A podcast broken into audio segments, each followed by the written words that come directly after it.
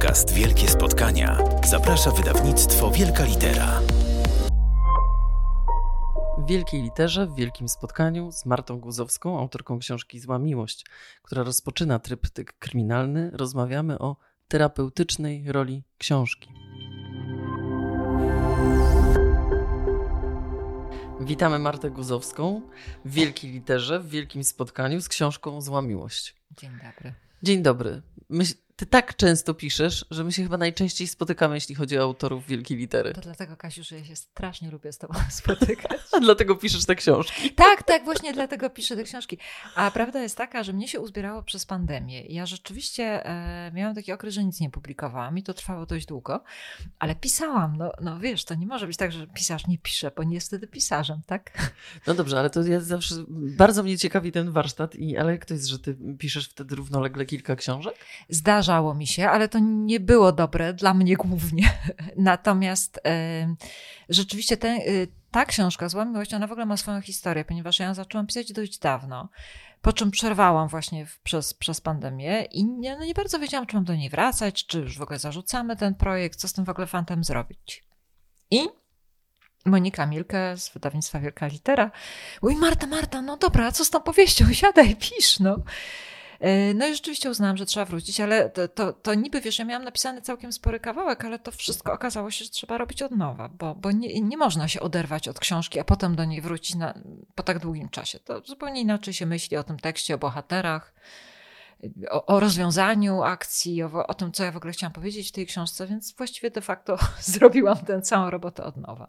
Czyli ten czas, który przeżyłaś y, w tak zwanym międzyczasie, który nie istnieje, wpłynął zupełnie, znaczy odmienił tę książkę. Odmienił, tak? odmienił ją bardzo. Ja już nawet nie do końca potrafię ci powiedzieć, jaka ona była kiedyś, Aha. wiesz, bo, bo to jest tak, że jesteśmy w tym momencie, prawda? I ja nagle pisząc tę, tę książkę, jej główną bohaterką jest kobieta, która jest w dość trudnej sytuacji życiowej, mm, zupełnie inaczej ją rozumiałam. Uh-huh. No bo tam w gruncie rzeczy chodzi o tę sytuację życiową, więc nagle się okazało, że ja zupełnie inaczej czuję tę moją bohaterkę i wszystko trzeba pisać od nowa. Czyli masz inne spojrzenie na jej cierpienie, tak? Wiesz, ja mam inne spojrzenie. Muszę ci powiedzieć, tam nie będę bardzo spoilerować. Nie spoilerujemy, ale, ale troszeczkę, tak. E, w recenzjach często się spotykam z zarzutem, dlaczego ta Franka, bo ona się nazywa Franka Kruk, dlaczego ta Franka ma taką złą relację ze swoją córką. E, natomiast ja ją świetnie rozumiem. Ja świetnie rozumiem tę Frankę, która po prostu nie ogarnia. Znalazła się w takim momencie swojego życia, kiedy ma na głowie nastolatkę, wszyscy wiemy, jakie są nastolatki, starego, ojca. starego chorego ojca, o którego się bardzo martwi, pandemię, brak pieniędzy i ogólnie no, ogólną degrengoladę. No i jeszcze y, nie żyje jej mąż. A tak, przepraszam, zapomniałam. To jest chyba taki najważniejsze. Tak. Jej mąż zginął w wypadku, więc też to, to jest śmierć, na którą nie można się przygotować. Franka nie ma pieniędzy, znalazła się na takim kompletnym zakręcie i ona za wszelką cenę próbuje się utrzymać szosy, trzymając się już tego porównania. I, I naprawdę ona nie jest w stanie poświęcić tej córce więcej energii. I to już nie mówię o czasie czy pieniądzach, tylko po prostu o takiej życiowej energii. I ja tę Frankę naprawdę świetnie rozumiem. Naprawdę e, właśnie to jest coś, co zmieniła pandemia, to moje spojrzenie na nas w czasach kryzysu. No, jakby każdy ma swój własny kryzys ale że, że naprawdę nie katujmy się tym, jeżeli czegoś nie potrafimy zrobić, bo, no, no bo też mamy tylko ograniczone możliwości. To też chciałam powiedzieć w tej książce, że Franka y, pewnie mogłaby być lepsza, ona o tym doskonale wie, ale jej energia się skończyła w tym momencie. I nie można nikogo za to winić. I nie można nikogo za to winić, ale za to wszyscy płacą, niestety. I to jest część też tej złej miłości, bo ta zła miłość tytułowa jest bardzo taka wielowymiarowa w tej książce no i to jest też część tej złej miłości, tej miłości, która sobie nie daje rady po prostu. A czy książka może mieć funkcję terapeutyczną? W sensie, dla pisarza. Nie książka, książka dla pisarza, ale, ale kryminał, bo to, to jest. Ale moim zdaniem szczególnie kryminał. E, ja muszę powiedzieć, że ja wypisuję moje problemy, wypisuję wszystkie jakieś trudności życiowe, coś, z czym się zmagam. Ja bardzo, dlatego ja traktuję właśnie pisanie, zwłaszcza pisanie, kiedy opowiadam historię w pierwszej osobie, czyli ja jestem de facto tą bohaterką, która opowiada historię.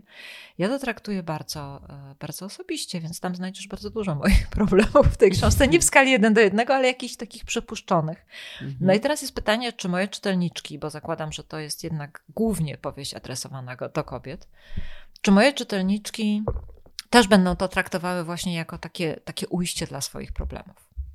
Ale co, że te kobiety ma, muszą być teraz bardzo silne, a jednocześnie no właśnie, że nie muszą. Mogą być słabe, prawda? Że nie muszą być bardzo silne, bo też są tylko ludźmi, e, a są i tak fantastycznymi ogarniaczkami.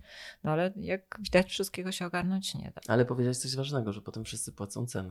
Ale potem wszyscy płacą cenę, bo my w gruncie rzeczy no, jesteśmy uwikłani pomiędzy, no chociażby samą już rodziną. Już nie dodajmy do tego nawet nic mhm. innego, prawda? Franka ma jeszcze taką sytuację z kobietą, która była w życiu jej męża i znalazła się nagle w jej życiu. I to jakby, jakby jej było mało, to jeszcze ma tę kobietę Nie będę pytać jeszcze, które wątki są prawdziwe. Nie pytaj. okay. Nie, no wydaje mi się, że to są wątki nośne literacko, już tak się z tego wykręcę. Natomiast rzeczywiście, no, no wszyscy płacą, tak? Ale o tym też jest kryminał. Ja, ja upieram się od lat, od kiedy piszę kryminał, że kryminał jest opowieścią o grzechu. E, ale ten grzech to jest grzech wszystkich. Grzech, oczywiście pierwszy grzech popełnia złoczyńca, morderca, ale też to jest grzech każdej osoby, która jest e, zaangażowana w tę sytuację, ponieważ to nie jest historia czarno-biała.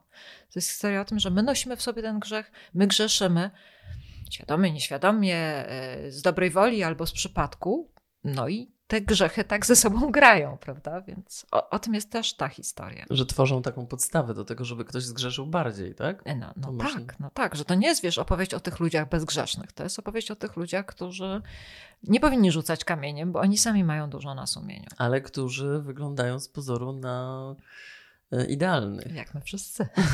Czyż nie?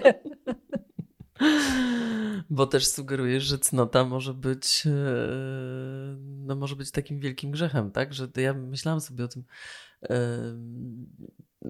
że jeśli ktoś myśli o sobie, jakim jest e, prawym człowiekiem, znaczy chyba coraz, coraz bardziej nasze czasy sprawiają, że jeśli ktoś jest taki bardzo prawy, to my podejrzewamy jednak, że coś się za tym kryje, bo jakby wydarzenia ostatnich lat, kiedy no, jakieś takie autorytety moralne, etyczne okazywały się właśnie zwykłymi ludźmi, ze wszystkimi przywarami, ze wszystkimi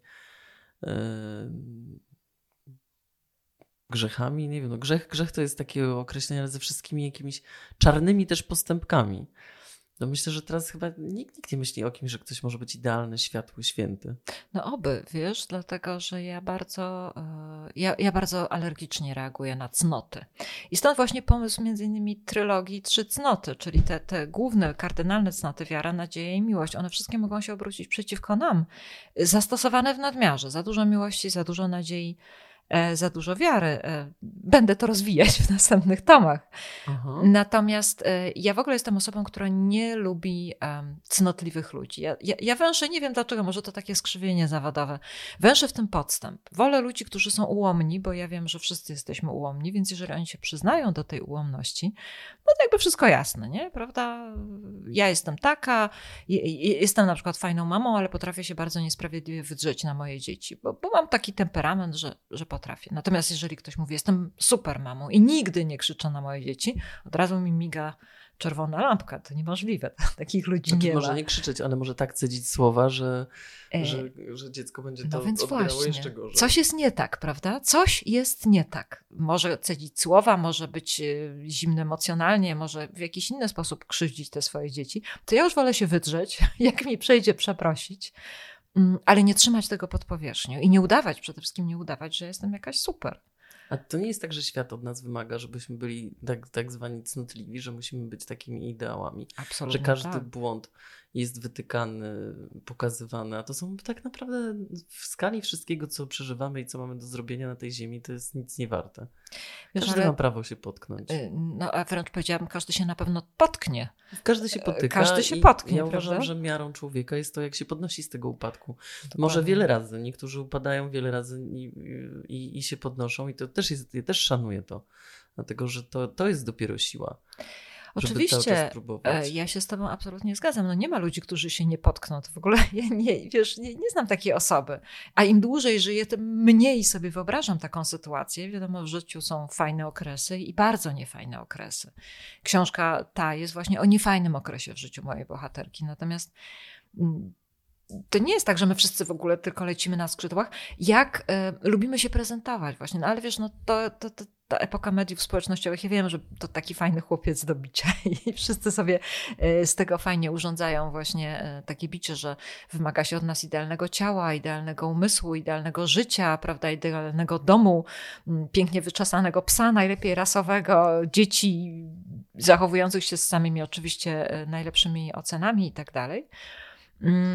I my się tak troszkę prezentujemy, albo przynajmniej tak próbujemy się prezentować, no ale na litość boską, prawda? Ustalmy sobie, że ta życia sztuka to jest, nazwijmy to sztuką po prostu. No. A nie masz wrażenia czasami, że tacy ludzie stają się, e, ja to nazywam, że są ofiarami własnego wizerunku, który wykreowali. Mi nie chodzi nawet o media społecznościowe czy o gwiazdy, ale że w ogóle, że ludzie żyją w takim, wytworzyli siebie, przyzwyczaili otoczenie do tego, że są właśnie tacy idealni.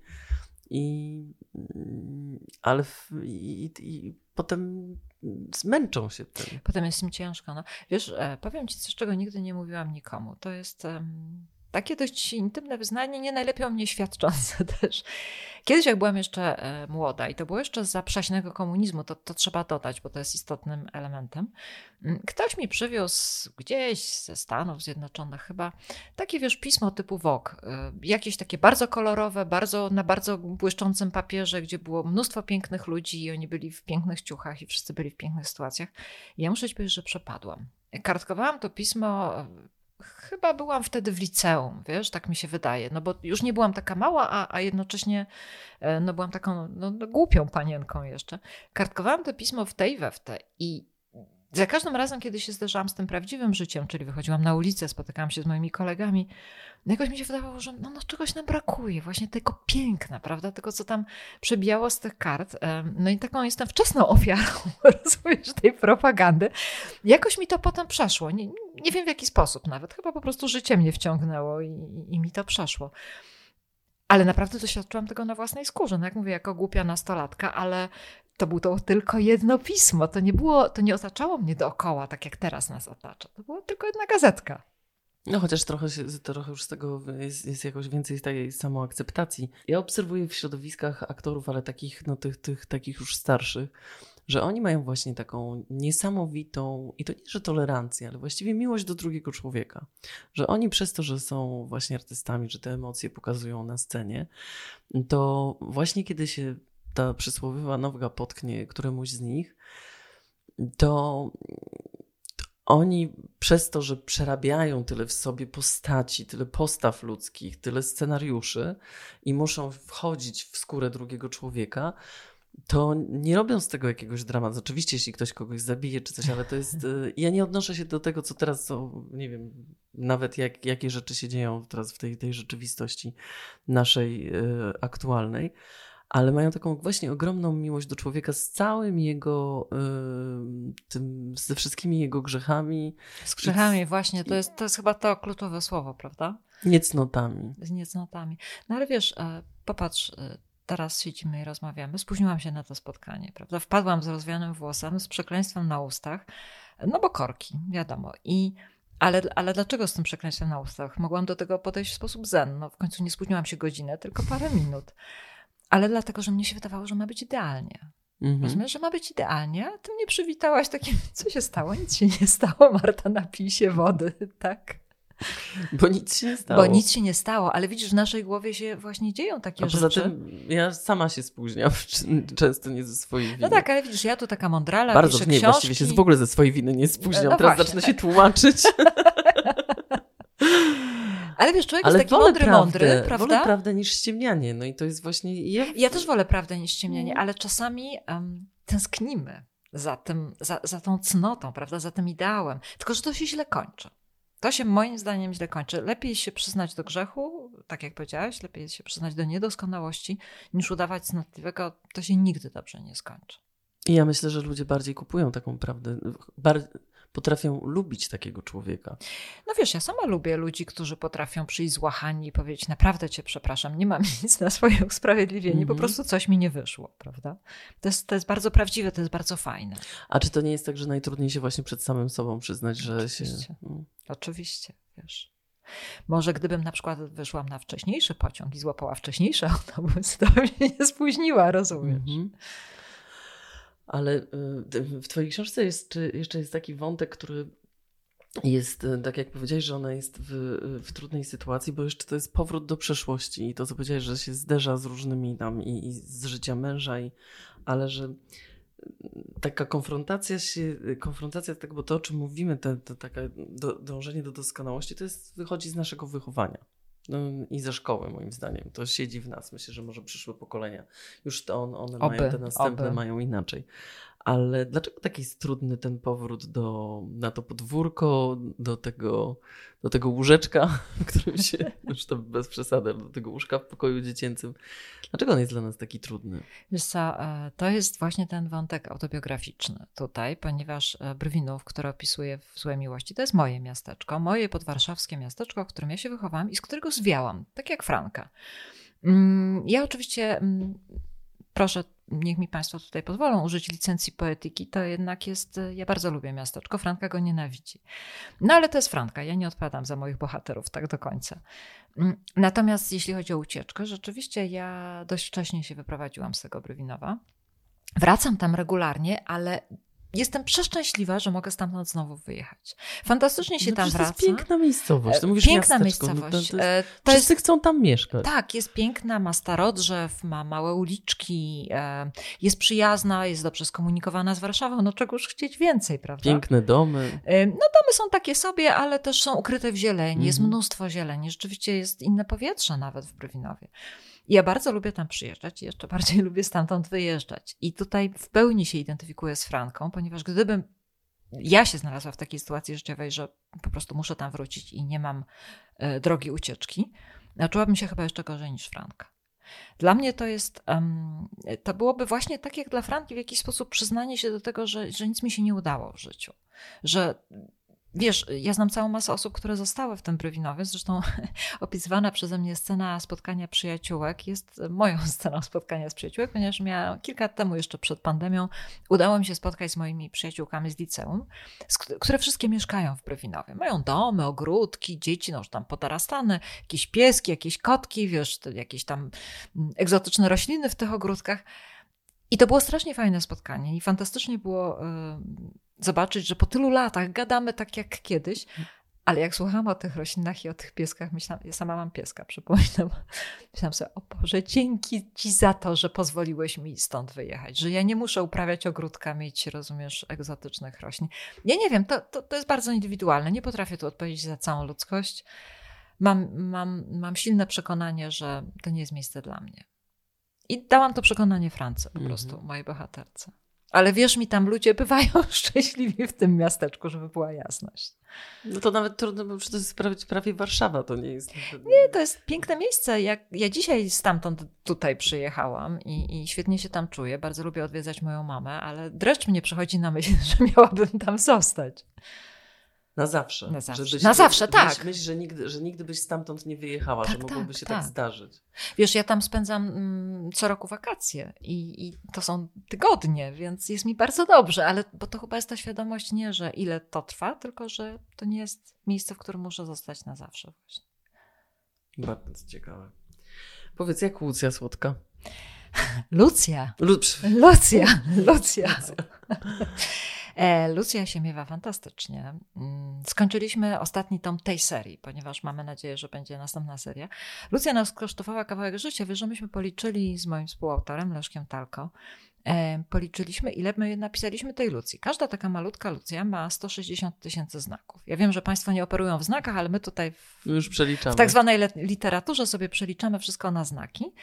E, I średnia powieść to jest między 400 a 500, taka porządna, normalna powieść, między 400 a 500 tysięcy znaków. Właśnie Zła Miłość ma niecałe 500 tysięcy znaków. Czyli myśmy z Leszkiem napisali przez pół roku dwie powieści, dwie pełnowymiarowe, przez pół roku, czyli jedną w trzy miesiące. No więc to tylko jako wyobrażenie tego, jaki kawał życia i, i energii nas to kosztowało.